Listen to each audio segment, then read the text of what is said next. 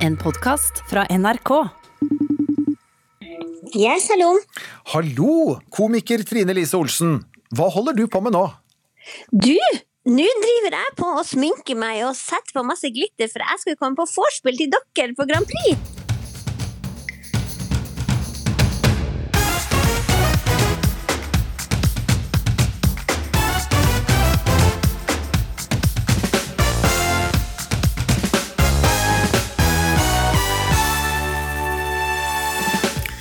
Bare timer før finalen i Eurovision Song Contest får vi siste nytt fra vertsbyen Rotterdam.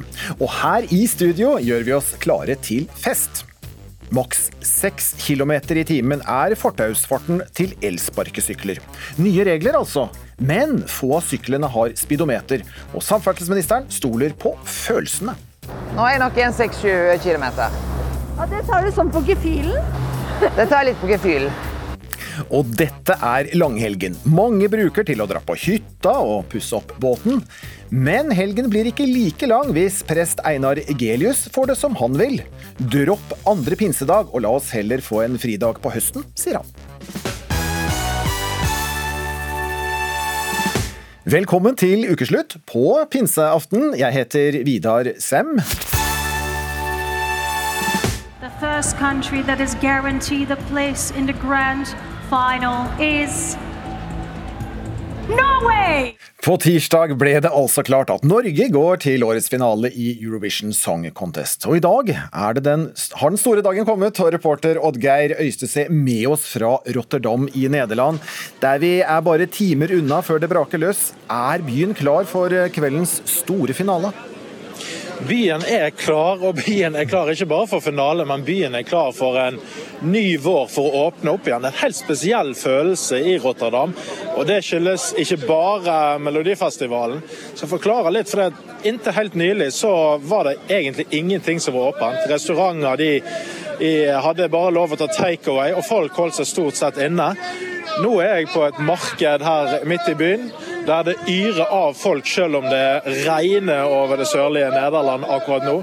Så stemningen er at nå er ting i ferd med å åpne opp igjen, men stemningen er òg prega, og Eurovisjonen, av at ting er ikke som normalt ennå. En kan ikke gå inn og spise, en må sitte på uterestauranter. En eh, har eh, maskepåbud i alle butikker, veldig få som får komme inn. Så det er en veldig spesiell stemning. Men Eurovisjonen og finalen den representerer jo det her. Et håp om at den skal komme tilbake til det normale. I tillegg til at folk i Rotterdam jo er veldig interessert i å vise fram byen sin. De føler at de har kommet litt i skyggen av Amsterdam, der de aller fleste jo reiser når de skal til Nederland. Så for folk i Rotterdam så er dette stort, men eh, det er jo usikkert hvor mye av den stemningen, spesielle stemningen i byen som faktisk skyldes finalen. Vi hører i hvert fall god stemning bak deg, Oddgeir Øystese. Og, og, vi som har sett på semifinalene, vi har jo lagt merke til at det er veldig mange publikummere i salen. Og det er vi jo ikke vant med å se for tiden. Hvilke utfordringer har det vært å, å samle såpass mange? Ja, det er 3000 i salen. De aller fleste de er fra Nederland. Jeg har ikke reist så langt, men òg eh, noen utlendinger er det der. Og her er det strenge krav. sant? For hvis du får inn smitte i en sånn sal, så har du det gående. Da har du skutt deg sjøl i foten. Så her må en ha en hel fersk test eh, for å komme seg inn. En må vise fram eh, senest dagen før. Og De jeg snakket med, de satt liksom helt opp til forestillingen og fikk godkjent testen. Så skal du ha billetten, sant? og så er det strenge sikkerhetstiltak for å komme seg inn, og smittevernstiltak. Og Jeg snakka jo med Camilla Borgmo i går, som bor i Nederland, men er norsk. Og Hun gleder seg så enormt til det her, men gikk jo til skrekkblanda fryd når hun fikk komme inn på det som var juryprøven, som det heter. Som eh, var en fullstendig gjennomgang i går, der eh, juryen gir sine poeng som teller i kveld. Jeg syns det er litt rart. Jeg syns det til og med var rart å ta toget hit i dag. Fordi man har jo ikke kjørt tog på ett og et halvt år, plutselig. Så det er litt merkelig at vi nå skal sitte så mange mennesker i ett rom, muligens uten avstand. Hva tenker du om det?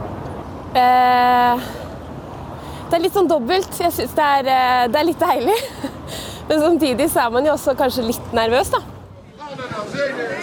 Og Camilla fortalte jo altså Siste hun sa til meg før hun kom igjennom slusene inn, det var at hun var rørt. Fordi at dette var jo noen hadde drømt om så lenge. Vi husker jo at finalen her i Rotterdam ble avlyst og utsatt et år i fjor.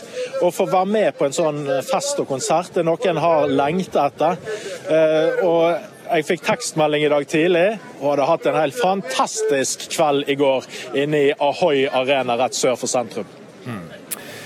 Koronasmitte er jo én ting. Vi er jo også spente på de musikalske prestasjonene og hvordan Norge gjør det i kveld. Og hvilken posisjon har Tix blant eh, folk der du er? Ja, er jo, Tix er jo litt sånn midt på treet når det gjelder sånn odds og sånne ting. Men jeg snakka med folk i køen i går. Det var faktisk en del som hadde norske flagg. Eh, og som hadde et nært forhold kanskje enda mer til artisten Tix enn til uh, musikken hans. I Norge så blir han jo av noen kritisert for at musikken er litt vel uh, enkel, kanskje. Jeg snakka med en kar som òg skulle på uh, finalen i kveld. Han stoppa, jeg stoppa han på gaten, for han hadde sånne Eurovisjonsklær på seg. Og han, først han forklarte han hadde autisme. Han var på vei til et sted med et senter der han møtte folk som hadde forskjellige Eh, ja, utviklingshemminger og sykdommer. Og han sa at selv om han heide på Hellas, så hadde han et eh, lite øye til Tix. Og kameraten hans han sa at Tix var store, den store helten hans, fordi at han kunne kjenne seg igjen i noen av de problemene og, som Tix har hatt og har, og i teksten i sangen hans. Så den delen av historien må òg med når vi snakker om vår kandidat. Mm. Vi får krysse fingrene for, for Tix. Takk for rapporten, Oddgeir Øystese fra Rotterdam, byen som nå gjør seg klar til finale i kveld. Og her i ukeslutt så får vi om en eh, times tid besøk av to dedikerte MGP- eller Eurovision-fan. Og de er mer enn klare for en liten førfest med oss, og gir oss sine musikalske favoritter. De ligger strøtt rundt, og en og annen har kanskje sneiet deg på fortauet. Denne uken kom regjeringen med nye regler for elsparkesykler i Norge. En av dem er at tohjulingene må dempe farten til 6 km i timen når de skal forbi fotgjengere på fortauet. Men mange av syklene mangler fartsmåler, så hvordan skal en da vite hva farten er? Reporter Kari Li inviterte samferdselsminister Knut Arild Hareide ut på elsparkesykkeltur.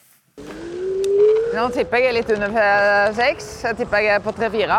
Knut Arild Hareide har en svart sykkelhjelm på hodet og kjører elsparkesykkel på fortauet, mens jeg går ved siden av. Eh, og nå går jo du greit, da. Eller kjører og kjører. Samferdselsministeren må stadig nedi med ett bein for å holde balansen fordi han kjører så sakte. Nei, det går ikke så veldig fort. Den leide elsparkesykkelen fra Voi har ikke fartsmåler, så ministeren må gjette vite om han kjører lovlig.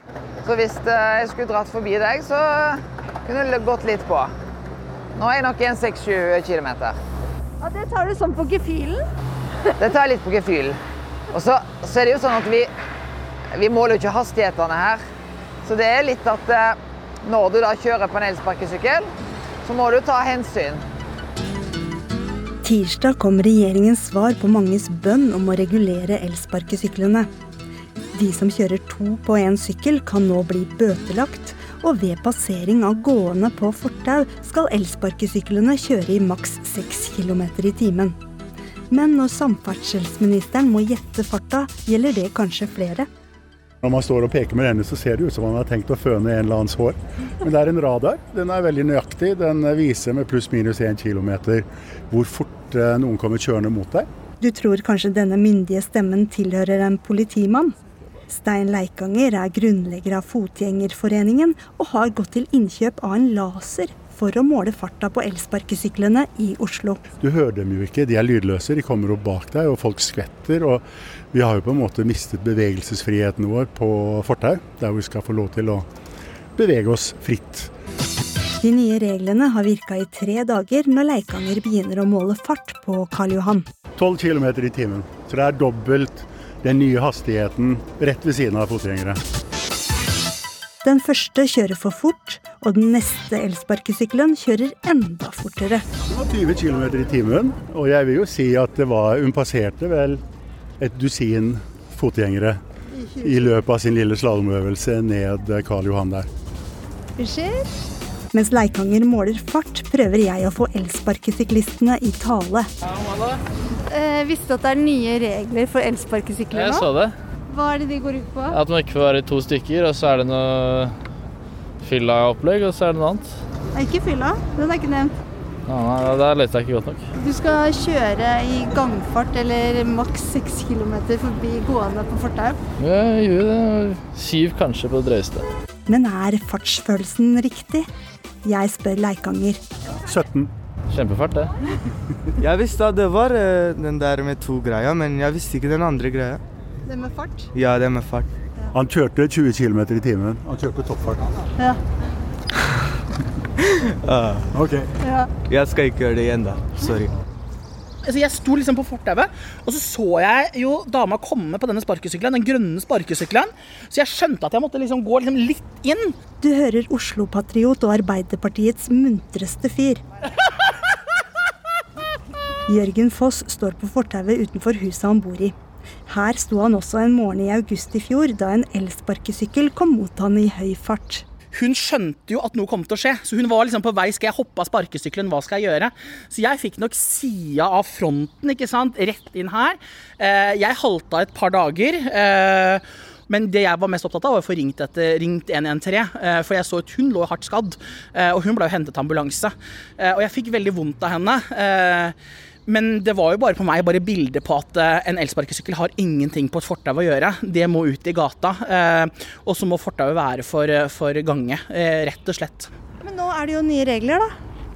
Regler og regler. Altså, det er jo, det er jo noen skinnregler, ikke sant. Fordi eh, her tror jeg det var en statsråd som følte at noe måtte gjøres.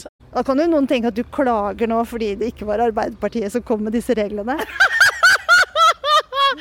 Altså, jeg er jo altså, Jeg må jo si at uh, uansett hvem som bestemmer altså, Jeg er jo bare en helt vanlig Oslo-borger oppi dette her som har blitt påkjørt. Vi, vi har kjent litt på hvordan det er. Veien er det riktige stedet for en elsparkesyklist å være. Vi snakker om 20 km i timen. Det er faktisk Det er ganske stor hastighet. Det er liksom større hastighet enn de fleste tror. Uh, uh, og det er ikke alltid like enkelt å navigere en elsparkesykkel. Jeg har selv vært på en elsparkesykkel, og jeg kan love deg med min tyngde får man jævlig mye fart. Hei!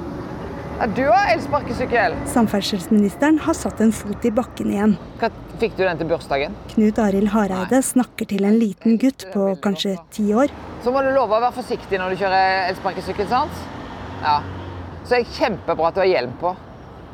Det er jeg veldig glad for. Gutten holder hendene på det altfor høye styret på elsparkesykkelen og svarer ikke. Den yngste elsparkesyklisten jeg har møtt. Er ikke det litt foruroligende at det er så unge folk som kjører? Eh, Jeg ser jo det at, eh, og ikke minst tror jeg faktisk i Distrikts-Norge, så er en del av de som har fått elsparkesykkel ganske unge. Eh, Og det er jo derfor jeg òg tenker det kan være eksempelvis bra at de kan bruke fortauene.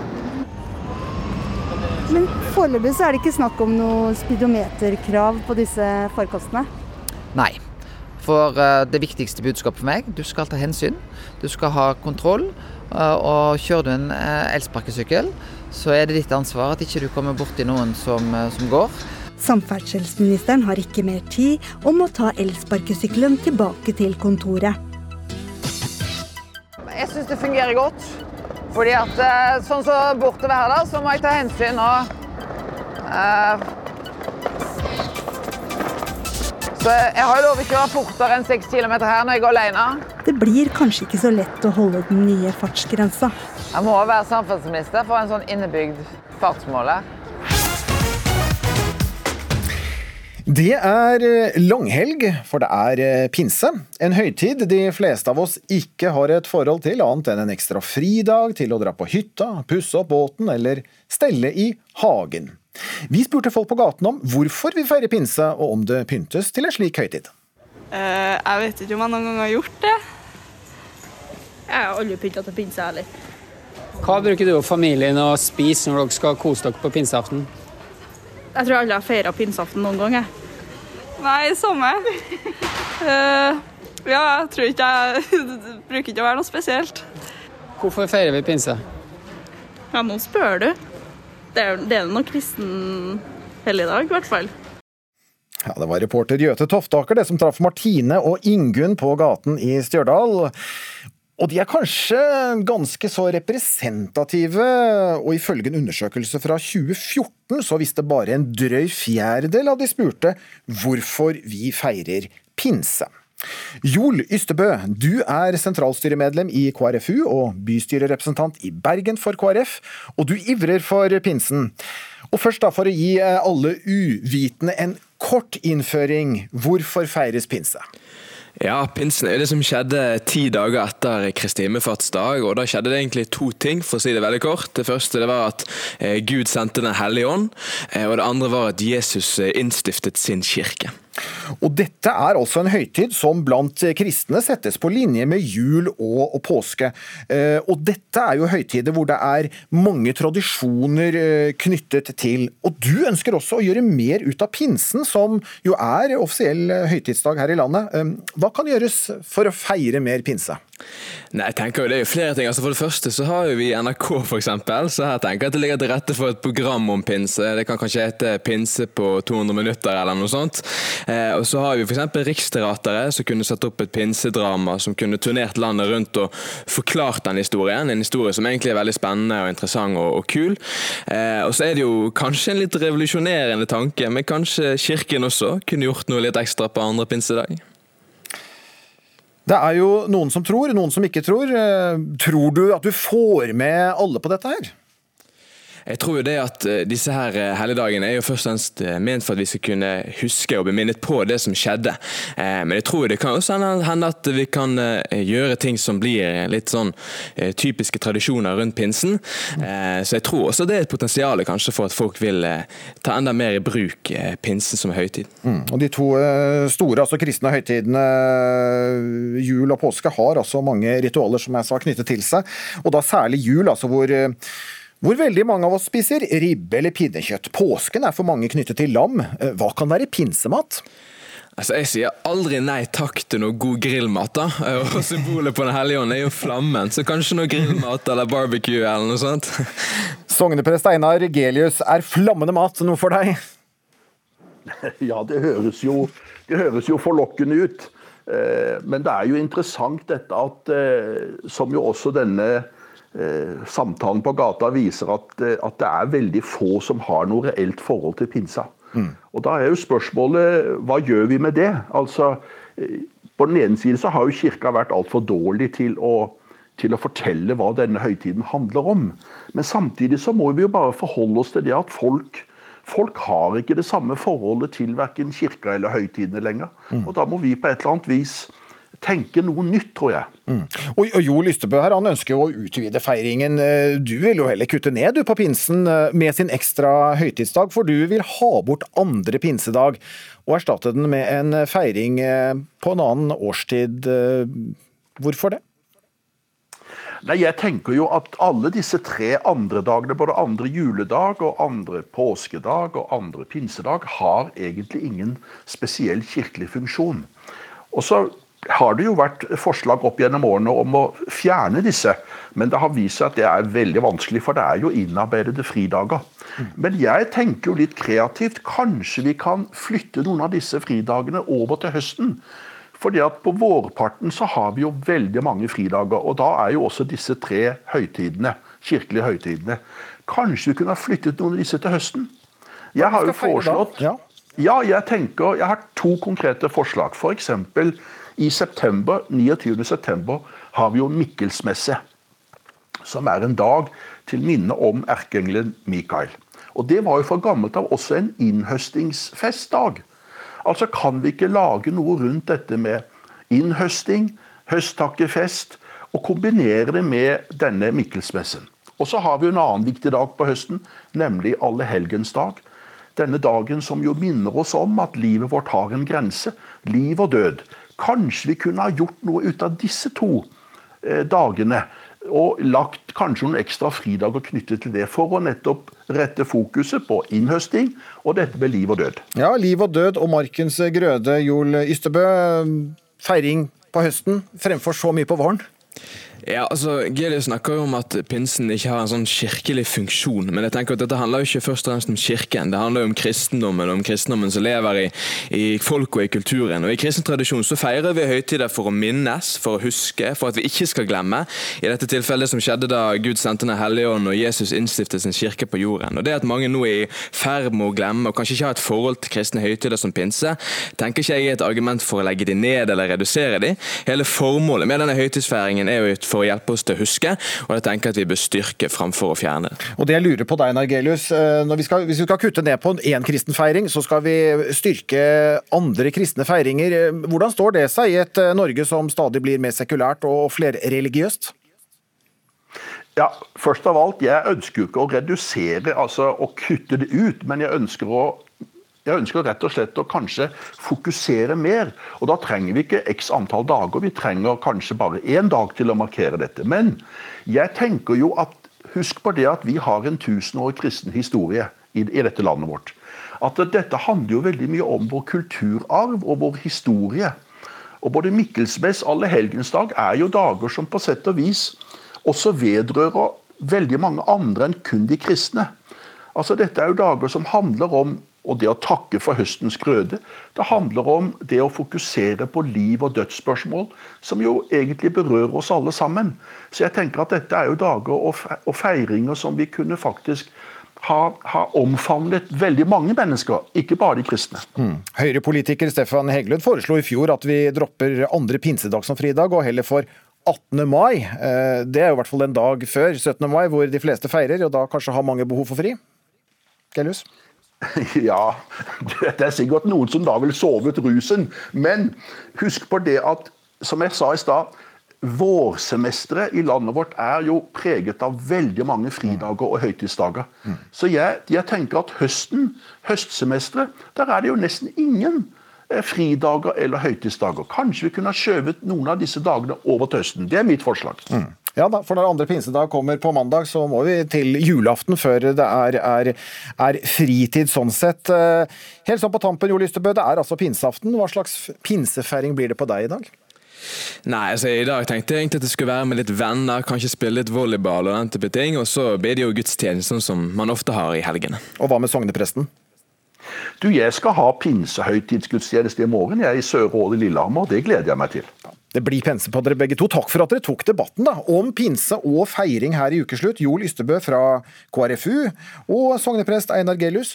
God pinse til dere begge to. Og på våre nettsider nrk.no så kan du nå se tegninger laget av to sjuåringer. Og forklaringer på hva pinse er. Denne uken ble en 49 år gammel mann dømt til 17 års fengsel for å ha knivstukket og drept Christian Løvli i en garasje i Nittedal utenfor Oslo i fjor. Igjen sitter samboeren og tre små barn. Men selv om dommen er klar, vet de fortsatt ikke hvorfor drapet skjedde. Reporter Ole Reinert Omvik møtte samboer og pårørende Siri Lausund Inderberg. Selv om det er gått et år og en lang rettssak, har 39 år gamle Siri Inderberg enda ikke fått svaret hun og barna trengte. Hvorfor gjorde han det? Hvorfor drepte leietageren mannen hennes og faren til deres tre barn? Så her står garasjen. Hvor er nå? Mm, ja, altså innenfor gjerdet der. På veien hjem passerer hun stedet der det skjedde en maidag i fjor, i garasjen til huset de leide ut. Og det rev dere? Mm. Ja, det var liksom umulig å kjøre forbi uten å titte bort og tenke på det. Det var noe med å se den garasjen. Her bor dere, ja. Siri inviterer oss hjem til huset deres i Nittedal utenfor Oslo. Hjemmet er overfylt av bilder av en lykkelig familie med faren Christian Løvli omkranset av tre små barn og samboeren Siri. 30. april i fjor fikk hun og mannen Christian sitt tredje barn sammen. Altså, vi var jo Vi var på det lykkeligste. Vi hadde fått nummer tre, og han var frisk og fin. Og familien var komplett. Og både jeg og Christian var jo så sinnssykt stolte alle tre barna. Og alt var liksom linet opp for en perfekt framtid og trygge, i trygge omgivelser. og så skjer dette. En mann i 40-åra er pågrepet og siktet for drap etter at en mann i 30-åra ble funnet død i en bil på Rotnes i Nittedal i dag tidlig. Ifølge politiet kjente mennene hverandre, men de var ikke i familie. I etterforskningen kom det fram at leieboeren hadde spurt Christian om hjelp med en gressklipper han hadde inne i garasjen. Leieboeren mente den var ødelagt. Men istedenfor å reparere gressklipperen, ble Christian stukket ned og drept med 18 knivstikk. Teknikere fant ingen feil på gressklipperen. Veldig mange, i hvert fall hun mellomste, da, hun er fem nå, hun har veldig mye tilbakevendende spørsmål om, om, om selve hendelsen, og om gjerningsmannen, og om hvorfor det skjedde. Så det er på en måte å eh, gjenta de samme svarene. Vår tanke er jo at eh, Kristian er med oss i hjertene våre, og han er på himmelen. Og han følger med og passer på oss fra himmelen. En 49 år gammel mann er dømt til 17 års fengsel for drapet på Christian Løvli i Nittedal i mai i fjor. Romerike og Glåmdal tingrett er enige med påtalemyndigheten både når det gjelder grovheten av drapet og at handlingen var planlagt. Straffen er i tråd med det aktor ønsket.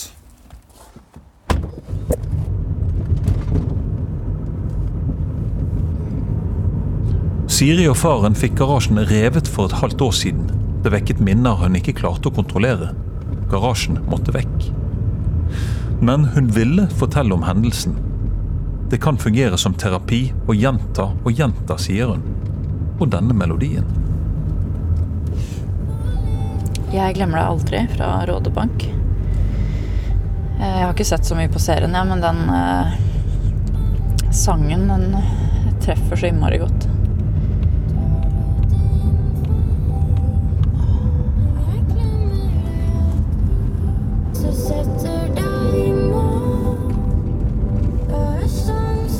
På slutten av rettssaken sa 49-åringen til Siri og familien Jeg har ikke noe vondt å si om Christian.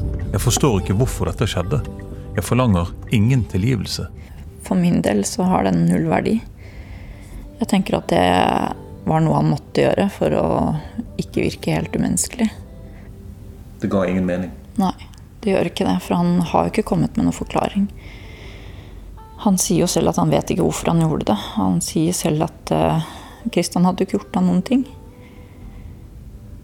Eh, Så for oss er det Det er så uforståelig. Norsklærere er eh, bekymret for at stadig flere ungdommer bruker engelske ord og uttrykk eh, i stedet for norsk. Kanskje kjenner du deg igjen, at det sniker seg inn et sorry eller please når du snakker, og har du en ungdom i nærheten, så har du kanskje vent deg til å høre et nice. Marta Aspehaug, du er 17 år og går på videregående skole i Ålesund. Hvordan bruker du og vennene dine engelsk? Um, ja. vi eh, snakker en god del engelsk til hverandre i fritida. Sånn i stedet for norsk, ja. Hvorfor, ja, hvorfor gjør dere det? Nei, det er bare litt naturlig for oss nå. Det, jeg tror det starta litt sakte, og så har vi bare begynt å snakke mer og mer engelsk etter hvert. For det er nesten litt lettere å kommunisere på den måten. Og jeg skjønner at eh, du er så god i engelsk, altså at for deg så har det liksom gått så langt at eh, du har med engelsk-norsk ordbok på norsktentamen, stemmer det? Ja, det, var, det gjorde jeg åttende, niende og tiende. Ja. Hvor, hvor, hvorfor, hvorfor trenger du den boken på en norsktentamen? Nei, det er jo det at plutselig så eh, kommer jeg på et engelsk ord som jeg har kjempelyst til å bruke i stilen min, men så kommer jeg ikke på det norske. Så da må jeg finne det. Du er en eh, blant flere, Marta, eh, og vi påvirkes kanskje fra mange kanter. Kanskje også fra eh, dommer Ina Wroldsen i The Voice. Bare hør her. Oh, making me proud. The story, the baby. I loved it. Velkommen! Altså, my god! My god! For den sassinessen, den har jeg lyst til å høre mer av. World class, det er alt jeg sier. Anywhere in the world. De forti... Altså Jeg er så stolt. Thank you. You need to make a choice. Ja, artist eh, Nina Wroldsen, velkommen. Ina Wroldsen, i hvert fall. Oi, oi, oi, Ida, Ina, sorry. Du, vi har, Um, du, vi har hørt deg, her hørte vi deg, på The Voice, altså. På TV 2. Du, du tyr jo ofte til engelsk da i norsk, som vi hørte her. Hvorfor det, Ina? Eh, Jeg tror at min, min på en måte forklaring er jo litt mer eh, Hva skal man si eh, Jeg har jo bodd i England i veldig mange år, og jeg er, det er nå én ting. Men jeg lever også med en engelsk mann. Jeg er gift med en brite. Så mitt liv og mine forretninger drives jo i stor grad på engelsk. Mm. slik at når jeg på en måte altså Hvis jeg dulter borti noen, så, så sier jeg oh, 'sorry'. Ikke sant? Men det er liksom noe jeg faktisk tenker en del på, for jeg syns det er litt trist. Og, og jeg hører jo også bare på de klippene der uh, fra f.eks. The Voice, da. Så handler jo det litt om altså at du, man, man, man blir så gira, ikke sant. Og da er min altså, Da kom det en immediate reaction. Min, min, med, altså min, det jeg med en gang får lyst til å Det bare, det bare skjer av seg selv. Eh, Jeg har aldri prøvd å snakke mer engelsk um, fordi jeg syns det er kult, eller altså Jeg synes det er et eh, Fordi jeg også skriver på engelsk i jobben min, jeg er jo låtskriver, så har vi et litt manglende språk bransjemessig eh, på norsk når det gjelder musikkindustri. Så, så, så da, da, da, da faller det så ofte sånn at jeg ender med å bruke engelske ord og uttrykk. Mm. Men tenker du når du sitter på The Voice at uh, du kanskje påvirker eh, unge som uh, Martha her, uh, med at engelsk går inn i norsk? For å være helt ærlig, så syns jeg det er veldig eh, altså, smigrende at du tenker sånn, men jeg tror virkelig ikke at det, det ligger der. Jeg tenker at Martha hun ser på helt andre ting og lar seg inspirere av helt andre ting enn at jeg sier 'amazing' på The Voice. Jeg tror, altså, vi, jeg ser jo det, jeg har en tolvåring i hus her sjøl. Og det er jo TikTok og eh, Fortnite, og det snakkes jo engelsk. Han er jo også halvt britisk og, og har jo engelsk som morsmål. For han er jo eh, oppvokst der borte. Men, men jeg ser jo at han snakker engelsk med sine venner med en litt sånn norsk aksent. Han har jo en fantastisk britisk aksent når han snakker med sin far eller med, med sin familie. Men når han snakker med vennene sine, så er det Oh, bro! Ikke sant? Oh, that's sick! Ikke sant? Så blir det, altså Hadde han skulle sagt det på britisk, hadde det vært Oh my god, that's sick! Ikke sant? Så det, det, det blir det har blitt en sånn trend. Og, ja. du, vi, har, du, vi har med Kristin Beck her også. Du er professor i engelsk språk ved Universitetet i Oslo. Vi hører jo masse eksempler her, eh, også fra, fra Ina. Eh, ja, hvorfor har engelsk gått inn i norsk på den måten? Um, for det første så må vi huske på at vi lærer jo engelsk fra første klasse på barneskolen, så det her er jo en villa politikk. Vi skal lære engelsk, vi skal ha flere språk tilgjengelig. Um, så det kommer jo noe der, og så er det jo stor- Men engelsk hadde vi tidlig på skolen tidligere også. Ja, da, vi hadde det, men og så kommer det i tillegg den store kulturelle påvirkninga med, som Ina nevnte, med TikTok og Fortnite og alle mulige slags ting på nettet som ungdommene hører på. Hvordan merker du det, som forsker? Uh, jeg merker det bare sånn at jeg legger merke til det. Jeg driver ikke selv og forsker spesielt på det, men jeg legger merke til det og syns det er ganske morsomt, for jeg gjør det selv også. Og til og med min far på 82 er ikke fremmed for å slenge inn til et engelsk ord hvis det skulle passe. Hvilke ord er det dere bruker? Hvilke ord er det vi bruker? På? Slenger inn? Min far slenger, nei, det kommer jeg ikke på akkurat nå i farta, men jeg har lagt merke til det. Nei, ikke sant? For dette gjelder voksne også, som, eh, gjelder voksne også. som, som, som legger inn ord. Eh, Men spesielt ungdommen har også lagt merke til det samme som Ina sier og Martha sier, at det, det brukes mye. Mm. Men det er ikke et problem, vil jeg si. Men Martha, eh, du sier også at eh, norsk er kleint noen ganger. Hvordan da? Altså, det er jo i ulike situasjoner der det er ekstremt kleint å gjøre bare veldig rare norske ord. For eksempel. Hva da? Eh, nei, altså, for eksempel, Har dere prøvd å lese en romantisk bok på norsk? Ok. altså, det er sånn Kan jeg kysse deg? Han tok meg i hånden. Altså, det blir kleint, altså. Du, nå fikk du et ja. Du, vet du hva, Martha? Nå ble det et veldig engasjement. Jeg hører eh, Ina her også i eh, Er det kleint, Ina? Altså, jeg tror det har litt med distansen til det. Romantikk og alle sånne ting. altså Alle sånne ting som er, har et eh, altså, Når det gjelder å altså, passion og romantikk, så blir det jo en Vi får jo en distanse til det på norsk. Det blir jo sånn å herlighet. ikke sant? Og det er enklere å forholde seg til engelske ord, for de er litt fjernere fra oss. Det tror jeg. Eh, Jeg merker bare det med f.eks. banneord. Det er mye enklere å si banneord på engelsk enn på norsk, fordi de mister litt av effekten sin. For det er hakket fjernere. Det er ikke det språket som eh, jeg og Martha har vokst opp med. Eh, Det er noe vi har lært oss. Og det blir litt enklere å bruke det som en sånn Det blir litt sånn Vi tar det på som et kult uh, klesplagg, liksom. Mm. Får... Det er kulere å si det. mm. vi får ta inn professoren her, som rakk så pent opp eh, hånden her i studio. Eh, Kristin? Nei, men Ina sa faktisk akkurat det som jeg hadde tenkt å si. At det er pga. at man har mer distanse til et, et andrespråk enn man har til sitt eget Mm. språk. Så det kan lett bli litt kleint på norsk, som, som Martha sier. Men ja. Hva gjør du når du skal snakke med besteforeldre, Martha? Som kanskje Eller hvordan er det? Nei, de snakker jo med, norsk med det, selvfølgelig. Ja. Det har jeg alltid gjort. Men for deg, Ina, som fort slenger inn engelsk i norsk, eh, hvordan er det for deg å snakke med den eldre generasjon? Jeg snakker jo på norsk. Eh, og jeg er veldig stolt av eh, språket vi har i Norge. Det er et lite språk, det er ikke så mange som kan det. Jeg er veldig opptatt av at vi skal holde det. Jeg ser jo at liksom, mange av de slanguttrykkene som jeg brukte da jeg var eh, yngre, de forsvinner jo. De blir jo eh, anglified, ikke sant. Men, men altså, det syns jeg er litt leit. Men jeg ser jo også det med min britiske mann som har bodd i Norge nå i ja, fem år. og han, han, han forstår norsk, men det er veldig veldig sjelden han får sjanse til å snakke det. Fordi folk vil gjerne snakke engelsk med han. Så det, det er litt sånn eh, ja, tankekors. Kristin? Kan jeg bare si en ting eh, til Martha eh, når det gjelder det med, å, med at det føles kleint med norsk, og eh, at man kanskje har et nærmere forhold til engelsk? Jeg tror det har i ganske stor grad å gjøre med at le, dere leser for lite på norsk. Så jeg vil jo anbefale å lese mye på norsk også, i tillegg til å lese engelsk, så dere blir gode i begge språkene samtidig. Det var rådet fra professoren her, Marta. Martha. Det får du kanskje ta til deg.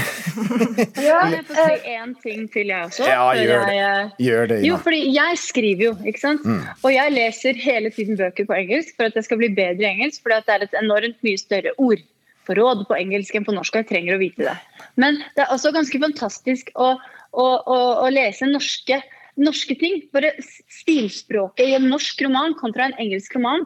Det er ganske fantastisk når du begynner å se på selve språket. Og det er viktig at vi tar vare på det der korte, kule språket vi har her, samtidig som vi kan bruke det der eloquent and beautiful engelske i andre ting. da.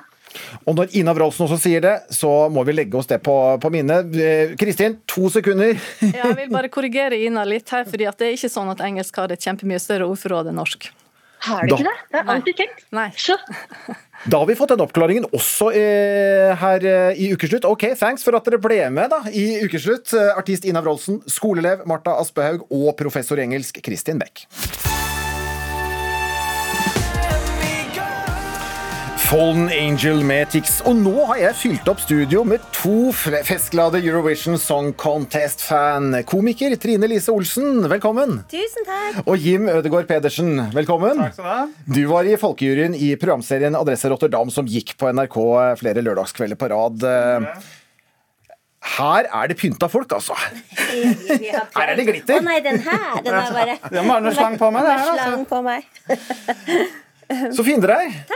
Klare for dagen, den store, store kvelden. Yes. Ja. Det, er, det må jeg si at jeg er. Jeg skal rett, rett, rett på fest. Ja, og har glitra deg opp. her. Ja da, nå er det glitter overalt. Som seg hør og bør på Ja. en sånn dag som det her. Ja, ja. Ikke sant? Det er som bare Kan det bli for mye? Nei. det kan kan aldri bli for mye. Det kan aldri bli for mye. Men så er det spørsmål om vi, skal, om vi pynter oss og glitter og, eh, for Norge, da. For uh, vi hørte jo nettopp Tix her. Eh, Jeg må jo høre med dere først, da, for vi er jo spente på det norske bidraget. Um, hvordan gjør eh, Tix det i kveld, Trine Lise? For det første må jeg bare si at Tix har gjort en fantastisk jobb. Eh, At han bare kom til finalen, og måten han har brukt historien sin, og at han er å flørte med Effendi, som du minte meg på at hun het. Altså, han gjør jo alt riktig. Eh, så det, men jeg tror dessverre ikke at sangen holder til eh, Vi vinner ikke, det kan vi vel si. Vi starter festen her litt sånn neddempet. Ja, nei, men det er ikke- nei. Ja, men det er ikke neddempet, for jeg tenker at det her har vært så spesielt år, og at han liksom Det er litt sånn annet bidrag enn det vi er vant til, og det har vært mye kontrovers. Ja. Så jeg liksom bare Jeg er superfornøyd. Ja, og så Han har jo på en måte vunnet det norske folket og, og, og har de i ryggen uansett hvordan det går. og Det å komme til finale er en seier i seg selv. Det er jo en del bidrag som er ute allerede, og Norge er jo ikke av de, så det er jo en seier at vi er i finale. Og Tix har gjort en fantastisk jobb. Eh, Det er ikke noe galt med Tix. Og Nei, okay. Låta er bare kanskje den som er svak, Mm. ja, og som gjør at det kan bli vanskelig. Kanskje han har det på laget, for etter at Norge kom videre til, fra semifinalen, så gjorde et, NRK et intervju med Tix der han i hvert fall antyder noe om kveldens finale. La oss høre. Jeg har vel blitt litt kjent for at jeg pleier å toppe meg selv. Så, så jeg skal gå gjennom eh, showet og se det ordentlig et par ganger, og så regner jeg med at jeg er nok ikke helt fornøyd ennå. Og så kan det vel fort hende jeg skal gjøre noen endringer. Og kanskje det kommer en overraskelse i finalen. Det vet jeg ikke ennå. Hva sier dere? Kan det bli overraskelse? Nå kommer en terning som står seks. Ja, ja, ikke sant? Det kan, kan være full yatzy, for alt vi vet. Altså. Ja, bare alle terningene. Full, full jackpot. Nei, det kan jo være alt fra skikkelig pyroshow og gullregn til eh, ja, noe mer med solbrillene. Hvem veit? Altså, her er det, det Det er kun han som veit, tror jeg, altså. Mm. Han er ikke alene, øh, og overraskelse eller ei fra Tix øh, han er ikke favoritten deres. Men for å trekke frem de, da, vi må nesten det også, Trine Lise, så er det disse to landene som scorer høyest hos deg, nemlig Malta og Italia. La oss høre.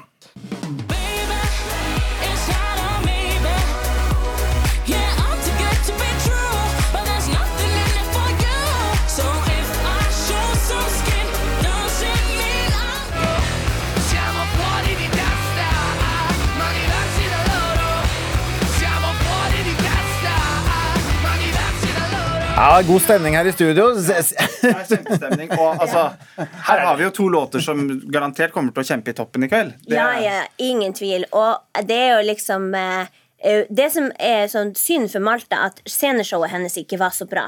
For den sangen er så høyt oppe, og da hjelper det ikke bare å vise fingeren og ha litt attitude. Du må ha mer. Hvorfor hadde du ikke mer på skjermen? Ja, ikke sant? Hvorfor går hun bare litt frem og tilbake? Altså, det, her, det er det som er Grand Prix. Du må ha litt Mm. Ja. mer show også. Hele pakka blir liksom litt for lite. Men hun er jo fantastisk. Om, Ja, ja, ja, og en av konkurransens beste stemmer. Ja, jeg Ja. konkurransens beste stemmer. Og så hadde det vært gøy med en finale i uh, Valletta neste år. Stakkars Malta. Det er nesten sånn, skal vi gi det til deg? Jeg tenker at det, det, det, det vil de merke flere år etterpå, også når festen er ferdig da, etter 2022. Det hadde vært fantastisk med Valletta. Altså. For en fest det hadde blitt. Italia hørte vi også. Da, Jeg er med til Roma, jeg. Ja, ja. Nei, men altså, eh, Italia de, de er jo noe helt annet. Her har vi rock. Det er skikkelig rock.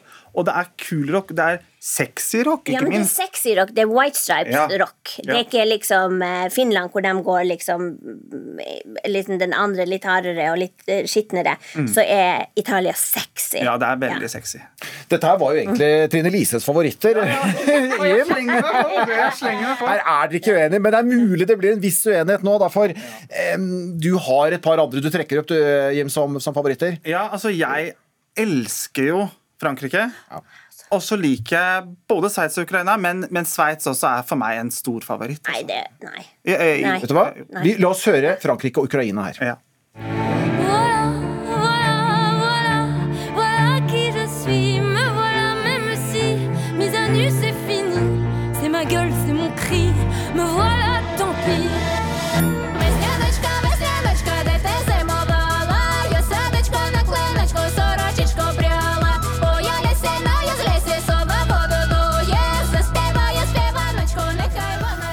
Ja, Nå skulle dere sett oss her. Vi var veldig samstemte med Frankrike, men eh, det var noen andre uttrykk her når dere kom til Ukraina. Hva hører først, Hvorfor Ukraina? Ukraina det er altså den låta i år som alle kommer til å eh, se på, på sendingen og tenke hva skjedde der? Altså, Hva har vi vært vitne til?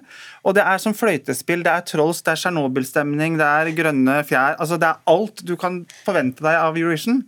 Eh, Men låta er sånn Enten liker du det, eller så liker du det ikke. Det er sånn, Denne splitter massene. Og, her, og, og, og splitter her i studio òg. Ja, men så tror jeg også at eh, Sånn som kompisen min Karl Erik, som eh, elsker Grand Prix også, men litt mer sånn Kanskje flinkere musikkmessig. Han ser liksom masse elementer i denne sangen. Jeg hører bare bråk. Ja. Og den og heter jo, bare- altså, Oversatt så er jo tittelen 'Støy'. Ja. Så Der har vi det. Ja. Jeg hadde rett. Nei, Men kan, kan Ukraina vinne? Ja, absolutt. Det er ikke overraskende. Jo, de, jo, den kan vinne. Jeg tror derimot Frankrike kan vinne, for den kan komme ut som seil, så alle kommer til å være sånn her tada, Ja. tada, tada, Og så alle blir glad i Men det som også da er litt eh, spooky, er at Ukraina er rett foran Frankrike. Så det er liksom to veldig forskjellige låter som kommer rett etter hverandre. Hvem husker publikum mest? Og det er da dårlig for Frankrike. Ja, det er dårlig for Frankrike. Mm, fordi at alle kommer til å stå sånn her dun, dun, Ja, dung, uns, uns, Og så kommer Kommer den litt sånn Ja. rolige Så rytmene overgår det sarte, altså. Ja, for hvis du ikke får komme ordentlig inn i det, Ja. og hvis du liksom går fra uns, uns, uns, og så skal du inn på en jazz, liksom Ja. Det er sjelden man går fra teknoklubb til altså- jazzklubb. Ja, det var det jeg prøvde Ja, å si. ja. Ja. Fra jazzklubb til tekno, det har vel sikkert skjedd. Hva gjør, Det hva gjør du hvis Ukraina vinner av Trine Lise? Nei, det er jo ikke noe mye å gjøre. Man må bare drikke mer. For du er, jo- dette her blir jo et lite vorspiel egentlig etter den store festen som du skal på. Hva når, du er jo som sagt pyntet til fest. Hvor skal du? Du, eh, årlige Grand Prix-fest hos eh, Carl Erik Salmila. Eh, som er, han er, vi har holdt på siden 2000, tror jeg. Og der skjønner jeg at det er veldig alvor. Du, Det har blitt så alvorlig at man er redd for å komme for seint, for da kommer man ikke inn. Du får ikke komme inn hvis du kommer for seint. Du får ikke lov å prate under sangene. Da blir du dis diskvalifisert. Alle er delt inn i lag.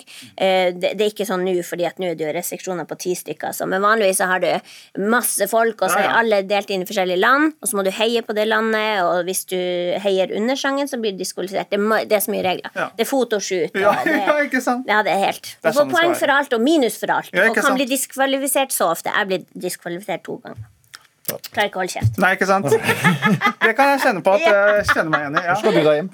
Jeg skal til Hønefoss og, og se finalen sammen med kjæresten min og noen venner. Og så kommer to av de som var med i Folkejuryen, som også skal se sammen med oss. Så det blir kjempegøy. Er de like strenge eller som den festen til Trine Lise? Altså, Det blir jo litt strengt. Det er ikke lov å snakke masse under bidragene. Altså, det, det er jo en sangkonkurranse, vi vil høre sangene.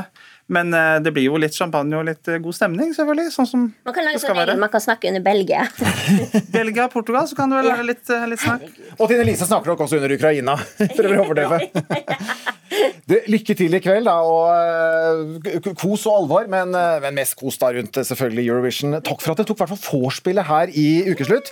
Bare hyggelig, det. Altså. Ja, Kjempestemning. Trine Lise Olsen og Jim Ødegaard Pedersen. Og selv om dere ikke altså har helt troen på Tix, så krysser vi jo fingrene selvfølgelig for Tix og Fall Major. Ja, ja, vi heier. norske kvinner og norske menn. Regjeringen Nygaardsvold er trådt tilbake. Den nasjonale regjering har overtatt regjeringsmakten. Med Vidkun Quisling som regjeringssjef og utenriksminister Leif Grust var jøde og nabo med Vidkun Quisling under krigen. Likevel klarte han å rømme over til Sverige. Han er en av flere mennesker som journalist Trude Lorentzen møter i den ferske podkasten Quislings koffert. For da hun kom over nettopp kofferten til Quisling på en nettauksjon, så startet hun en reise inn i historien om Norges største naziforbryter. Og Trude Lorentzen, velkommen hit. Tusen takk. Med Quislings koffert. Ja, her er objektet som han har båret i hånda si gjennom hele krigen. Ja, Den ligger nå i studio eh, mellom oss. Det er en eh, brun koffert. Eh, Kan du si noe mer om den? Ja, altså Det er tjukt brunt skinn, sånn lær, og du ser jo at det er skraper og skrammer og arr omtrent etter krigen. Og ikke minst forbokstavene hans, da, som, han har press, som står pressa inn i lokket her. Og i tillegg klistremerker fra luksushoteller, og også annet en sånn sånn Montreux fascistkonferanse. Palace. Ja. Ja. Det var en fascistkonferanse. Så du kan faktisk se, eh, lese hans radikaliseringsprosess ut fra denne kofferten. Og den ser, ja, den ser veldig velbrukt ut. Ja, Det var hans personlige. Og kofferten, eh, den førte deg bl.a. til eh, altså Leif Grust. Velkommen. Takk, takk. Du eh, var nabo med Quisling i begynnelsen av krigen. Hvordan er det for deg å se denne kofferten? Ja, vet du, den fikk jeg se rett før vi kom inn her i studio. Og min første innskytelse var at pokker heller, den har jeg lyst til å gi en skikkelig spark. Den minnet sånn med en gang om selve personen, Vidkun Quisling, at jeg har hadde ikke noe lyst til å se den egentlig, den kofferten. Nei. Nei, nå, nå ligger den her eh, mellom oss. eh, eh, det går greit? Det, ja, det må det jo gjøre, nødvendigvis. Jeg får legge litt bånd på meg, så går det nok. Ja, men lyst til å sparke til den, altså, rett og slett. Ja, det er faktisk. Ja. Du var nabo du med Vidkun Quisling. Ja. Du var liten gutt den gangen. Jeg var ni-ti år, ja. Ja. Eh, det er jo veldig lenge siden. Eh, kan du erindre kofferten? Nei, det, det kan jeg ikke. Vi så jo ikke Quisling så mange ganger. Og så langt jeg kan huske, så så vi Quisling eh, bare når han skulle ut eller kom inn sammen med kona. Eh, og eh, da skulle de kanskje ikke ut og reise, men gå i noe selskap eller møter eller sånt, siden hun var med. Det var uten koffert. Han kan ha gått med kofferten, men som, som liten gutt la jeg ikke merke til Jeg var nokså fascinert av Quisling som person. Ja, for du, du sto bak eh, gardinen du, og Jeg sto bak en gardin og kikket, ja. Hva var det du så? Ja, eh, som regel så var det fire sorte biler som sto eh, oppradert på gaten etter hverandre. I den første bilen satt det politi. I den andre bilen der satte Quisling seg. Og hans kone Maria satte seg i bil nummer tre. Og den fjerde bilen var igjen politifolk. Da kjørte de av gårde når, når eh, alle var kommet på plass og sånt. Da sto vi jo bak gardinen oppe i eh, annen etasje og, og så på dette her litt fascinert, skremt, redd. Eh, som en jødisk familie så, så kunne vi jo ikke føle oss helt trygge. Eh, jeg vet Vi snakket vel om at det kunne jo være at noen av de vaktene som sto utenfor eh, porten til eh, oppgangen der hvor Kristin bodde, de kunne jo ha som oppdrag å, å, kikke litt rundt. Var det noen som sto og så? Var det noen som kunne tenke seg å gjøre noe mot Quisling? Så for oss var det jo viktig at vi at vi sto der, ikke kom nær gardinene, de skulle ikke bevege seg. Vi var jo redde for at hvis gardinene beveger seg, så ville mistanken kanskje kunne falle på at de sto der for å gjøre noe annet enn å kikke. Og det, det hadde vi ikke noe lyst til å skulle skje, nei. Men du var likevel nysgjerrig? Jeg var nysgjerrig, ja. For du hadde jo hørt så mye om Quisling. Vi visste jo hva for en kjeltring han var. Og det var en blanding av fryd og skrekk. På den tida der så fantes jo ikke ordet gasskammer, ingen hadde hørt om Auschwitz.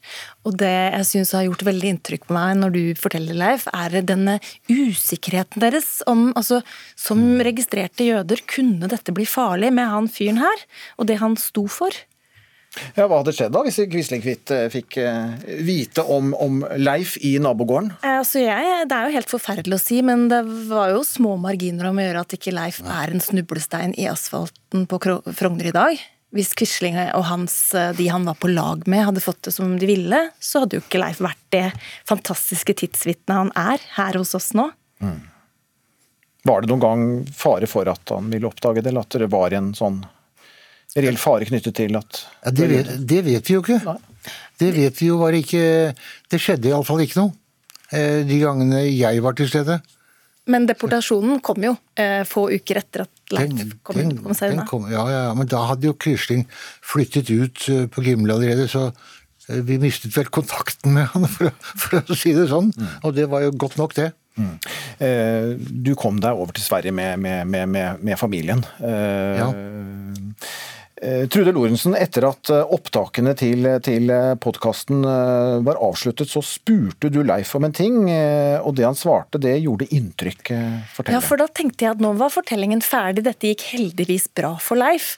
Og også takket være gode unntak med andre mennesker enn denne fæle skurken som denne podkasten handler om, så var det andre mennesker som gjorde de riktige tingene. Hjalp en politimann blant annet, som kunne ha oppdaga Leif og familien på vei ut, mm. men som valgte å overse det. Og andre heltmodige mennesker underveis på flukten. Men så tenkte jeg at så fikk jo livet fortsette. Leif fikk fin familie og fikk seg en utdannelse som tannlege.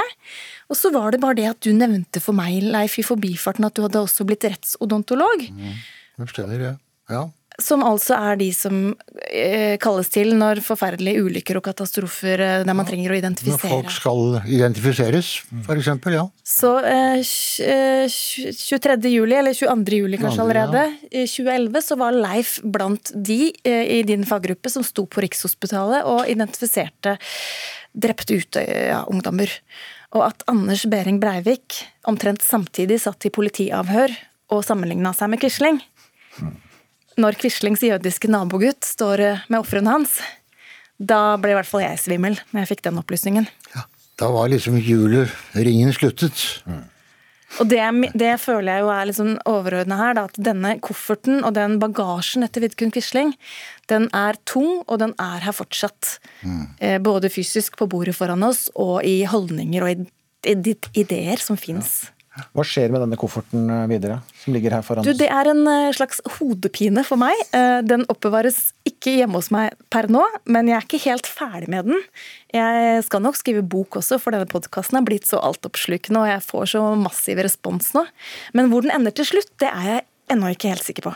Mm. Og For deg, Leif, er det kanskje nok å ha sett kofferten? Jeg har sett den én gang og kan godt klare meg uten å se den flere ganger, ja. Takk skal dere ha eh, for at dere, kom hit. Quislings koffert eh, forteller altså hele historien fra Quisling reiste ut som Nansens medhjelper eh, i nødhjelpsarbeid, til han ble henrettet på Akershus. Og alle episodene ligger ute i NRKs radioapp nå. Tusen takk for at dere kom i studio, Leif Grust og Trude Lorentzen. Nå skal vi inn i rettssalen. Selv om kalifatet falt, så mener man da at IS har levd videre, men da på nett. Det sa statsadvokat Geir Evanger. To menn sto denne uken på tiltalebenken i hver sin terrorsak. I den ene en 16-åring tiltalt for terrorplaner. I den andre saken en 25-åring tiltalt for å forsøke å medvirke til flere terroraksjoner i utlandet. Begge skal ha blitt radikalisert over nettet. Og det er i så fall ikke første gang. Geir Worren opplevde at en av guttene han trente, ble radikalisert. Det var den siste personen i verden jeg skulle tro jeg skulle dra. Han, han, han var ikke egnet til å slå ei flue i hjel. Da vi var på jakt og skulle, de skulle få prøve å skyte han også, min sønn, og jeg skulle rekke han geværet Han var livende sted, han hoppa tilbake, han torde ikke å ta i det engang. Og så skulle han, han av alle, ende ned i denne terrorhæren der. Det, det, Geir Worren glemmer aldri gutten han var trener for, og som ble sønnens beste venn. Gutten som reiste til Syria for å kjempe for IS. Ja, det, det, var, det, er ingen som har ord for det, for det var ingen som lukta det. Vi, vi, var ikke i nærheten. Vi var ikke i nærheten av å tenke tanken at han, at han kunne havne der nede. I flere år møtte han gutten jevnlig. På treninger i gymsalen eller over familiemiddagen. Han var en, tross alt en gutt som, eh, som jeg prøvde å bruke mye eller brukte mye ressurser på for å gi han et så godt liv det kunne, kunne gis. Gutten som kom til Norge som åtteåring, var glad i data og trening. Jeg vil beskrive han som en eh, meget stillfaren person. Uh, snill. Taus. Snakka ikke mye. Han var keitete. Og jeg så han aldri gråte. Det var sjelden du så han smile. Og han, han snakka ikke mye. Og, men, men han, hadde et, han, hadde et, vennlig vesen. Det er et øyeblikk Geir Våren kommer tilbake til igjen og igjen. Et øyeblikk han tror kunne endre alt. Det, det sitter fortsatt på netthinna, og der angrer jeg. Det er det eneste sorgen jeg har, at jeg ikke greip inn. Hva det var ved den stille, keitete gutten som fikk alarmklokkene til å ringe, skal du snart få høre. Men først 16-åring mener han ikke planla terror, men bare var nysgjerrig da han søkte to på To helt spesielle rettssaker starta denne uka, i samme etasje i Oslo tingrett. Fellesnevner terrorplanlegging og nettradikalisering. Med et inntrykk av at han har hatt en sterk religiøs overbevisning, og at han har hatt en påvirkningskraft på andre. Mobilen må låses inn når jeg er på vei inn til det aller helligste. PST følger det som skjer med argusøyne og nettradikalisering spesielt. IS er fortsatt til stede, eh, både i konfliktområdet, og så har IS en stor sympatisørbase i Europa.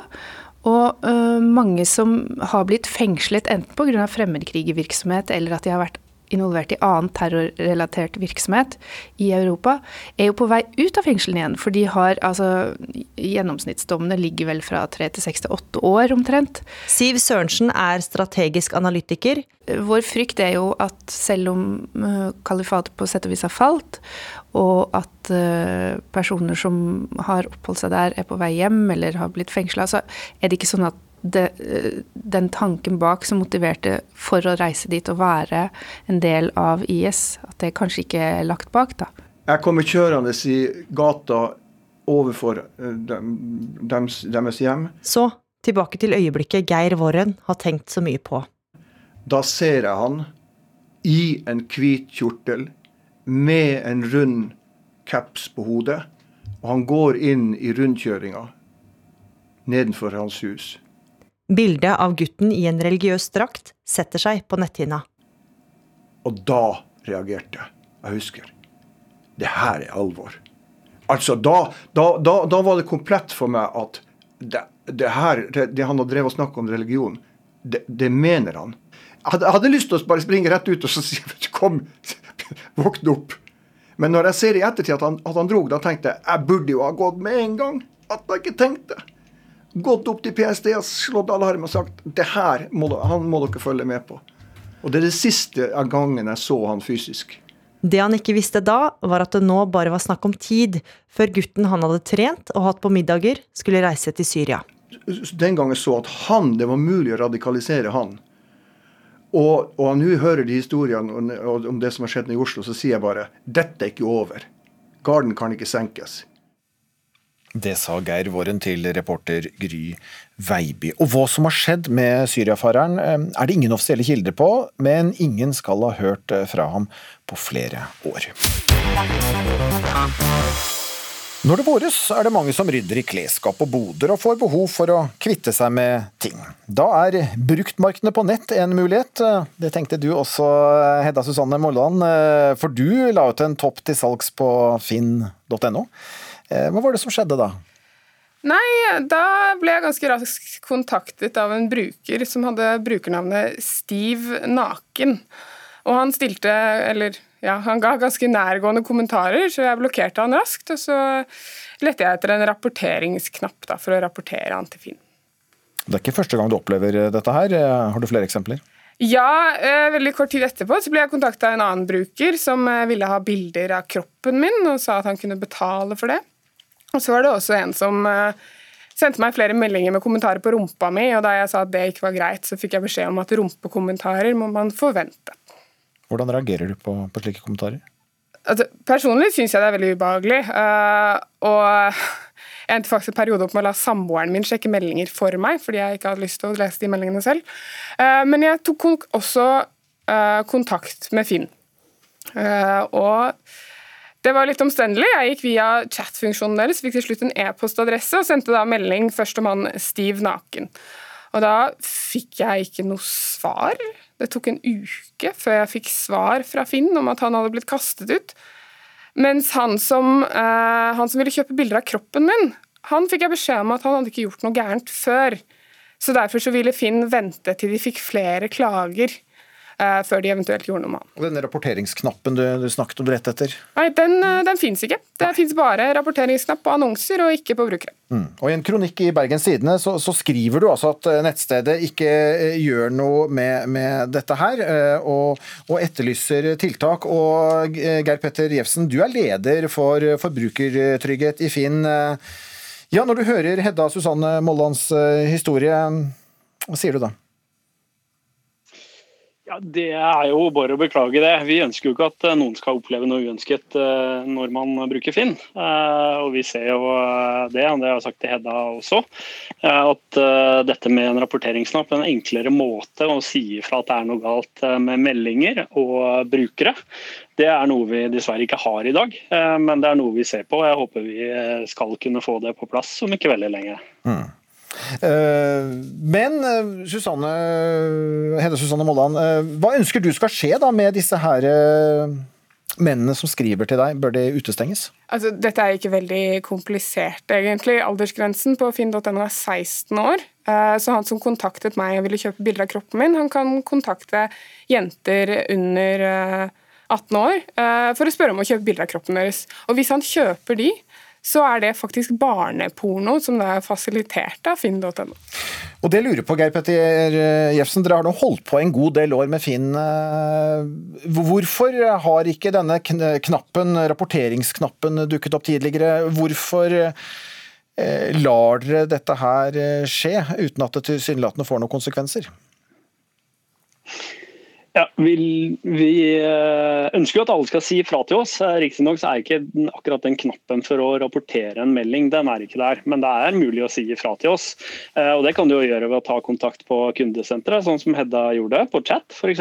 Eller du kan sende en mail. Det hørtes ikke så lett ut, da. andre Nei, og som sagt, som jeg sa tidligere, dette har vi sett. Og dette er noe vi nå jobber med og håper å få på plass om ikke veldig lenge. Men hva skjer da hvis eh, man får til et sånt system med en rapporteringsknapp, og man får vite om eh, den type eksempler som, som Hedda her snakker om? Hva gjør dere da? Ja, den ene eksempelet som Hedda snakker om, det er jo egentlig et godt eksempel. Ehm, for Der var det en melding som ble sendt til Hedda på en topp, en annonse for en topp som hun skulle selge. Eh, og den eh, meldingen så sto det 'råkul den' med et smile-emoji. Eh, Det var den brukeren med brukernavn Steve underscore naken. Ehm, Denne brukeren ble utestengt på bakgrunn av en totalvurdering etter at Hedda rapporterte brukeren, men ikke på eh, bakgrunn av den ene meldingen. Eh, Fordi råkull den, eh, det vil jo ikke i seg selv være et overgrep, sånn sett. Eh, Sånn som vi ser det. Men eh, når vi så eh, totalen på denne brukeren, så var det en ny bruker. Eh, Hadde ikke navn på profilen og ikke bank-ID-verifisert, eh, men tok kontakt eh, med mange jenter. eh, Med lignende meldinger. Eh, Og det førte til at vi stengte denne brukeren ute. Er det nok, det de har gjort her? Nei, det er ikke nok. Eh, Dette er åpenbart eh, et problem. Det var faktisk Geir Petter som svarte meg på e-post da jeg eh, tok kontakt med han som ville kjøpe bilder av kroppen min. Og Én ting er denne brukeren Stiv Naken, som sender uskyldige meldinger, men har ekkelt brukernavn. En annen ting er folk som ber om å kjøpe bilder av kropp. Og at de passerer, og at Finn vil ha flere klager på de, det leser jeg rett og slett som at folk, det er viktigere at folk er på finn.no, enn at folk oppfører seg på finn.no. Jefsen? Ja, Det er jeg uenig i, fordi vi har et sett med regler eh, som sier at eh, man må oppføre seg. Man må følge våre regler, eh, og man må følge no Norges lover og regler. Eh, den ene brukeren der, der tok vi en totalvurdering. Det hadde ikke kommet til noen klager. Vi så ikke at denne brukeren sendte andre lignende henvendelser. Slik vi så det da, så var dette en engangsforeteelse. Det håper vi. Eh, mens hvis denne brukeren gjør noe lignende igjen, så vil vi da vurdere å stenge denne brukeren ute. Eh, Hedda, du, du sier du kjenner flere som ikke vil legge ut bilder eh, av seg selv med plaggene på. Hva gjør de? Ja, det stemmer. Jeg har, etter at jeg har lagt denne, skrevet denne kronikken, så har jeg snakket med flere andre kvinner som rapporterer om at de ikke vil legge bilder av seg selv i klærne, for da får de ekle meldinger. De bruker bilder fra nettbutikker som blir copyright-problemer, eller de legger ikke ut annonser i det hele tatt. Og det er ufravikelig at dette er et problem, og at finn.no ikke gjør nok med det. Og at en skade skjer én gang, bør være nok til at det får en konsekvens, sånn at vi ikke har 16-åringer som sitter og får de ubehagelige opplevelsene som jeg får fra samme fyr. Men nå sier dere at dere kommer til å Dere gjør noe med det, og det, det kommer altså en rapporteringsknapp på et eller annet tidspunkt. Når kommer den eh, helt til slutt her, eh, Geir Petter? Ja, eh, At det kommer en enklere måte å rapportere på. Akkurat hvordan løsningen blir, eh, det eh, vet jeg dessverre ikke. Men det er noe vi ser på, og det håper jeg vi får på plass ganske snart. Så får vi håpe det bedrer situasjonen for de som da selger ting på, på Finn. Takk for at dere ble med i Ukeslutt, Hedda Susanne Molland og Geir Petter Jefsen, som er leder for forbrukertrygghet i finn.no. Ansvarlig for sendingen det har vært Philip Johannesborg. Teknisk ansvarlig Marianne Myrhol. Jeg heter Vidar Sem. Ha en fortsatt god lørdag, og god pinse. Du har hørt en podkast fra NRK. Hør flere podkaster og din NRK-kanal i appen NRK Radio.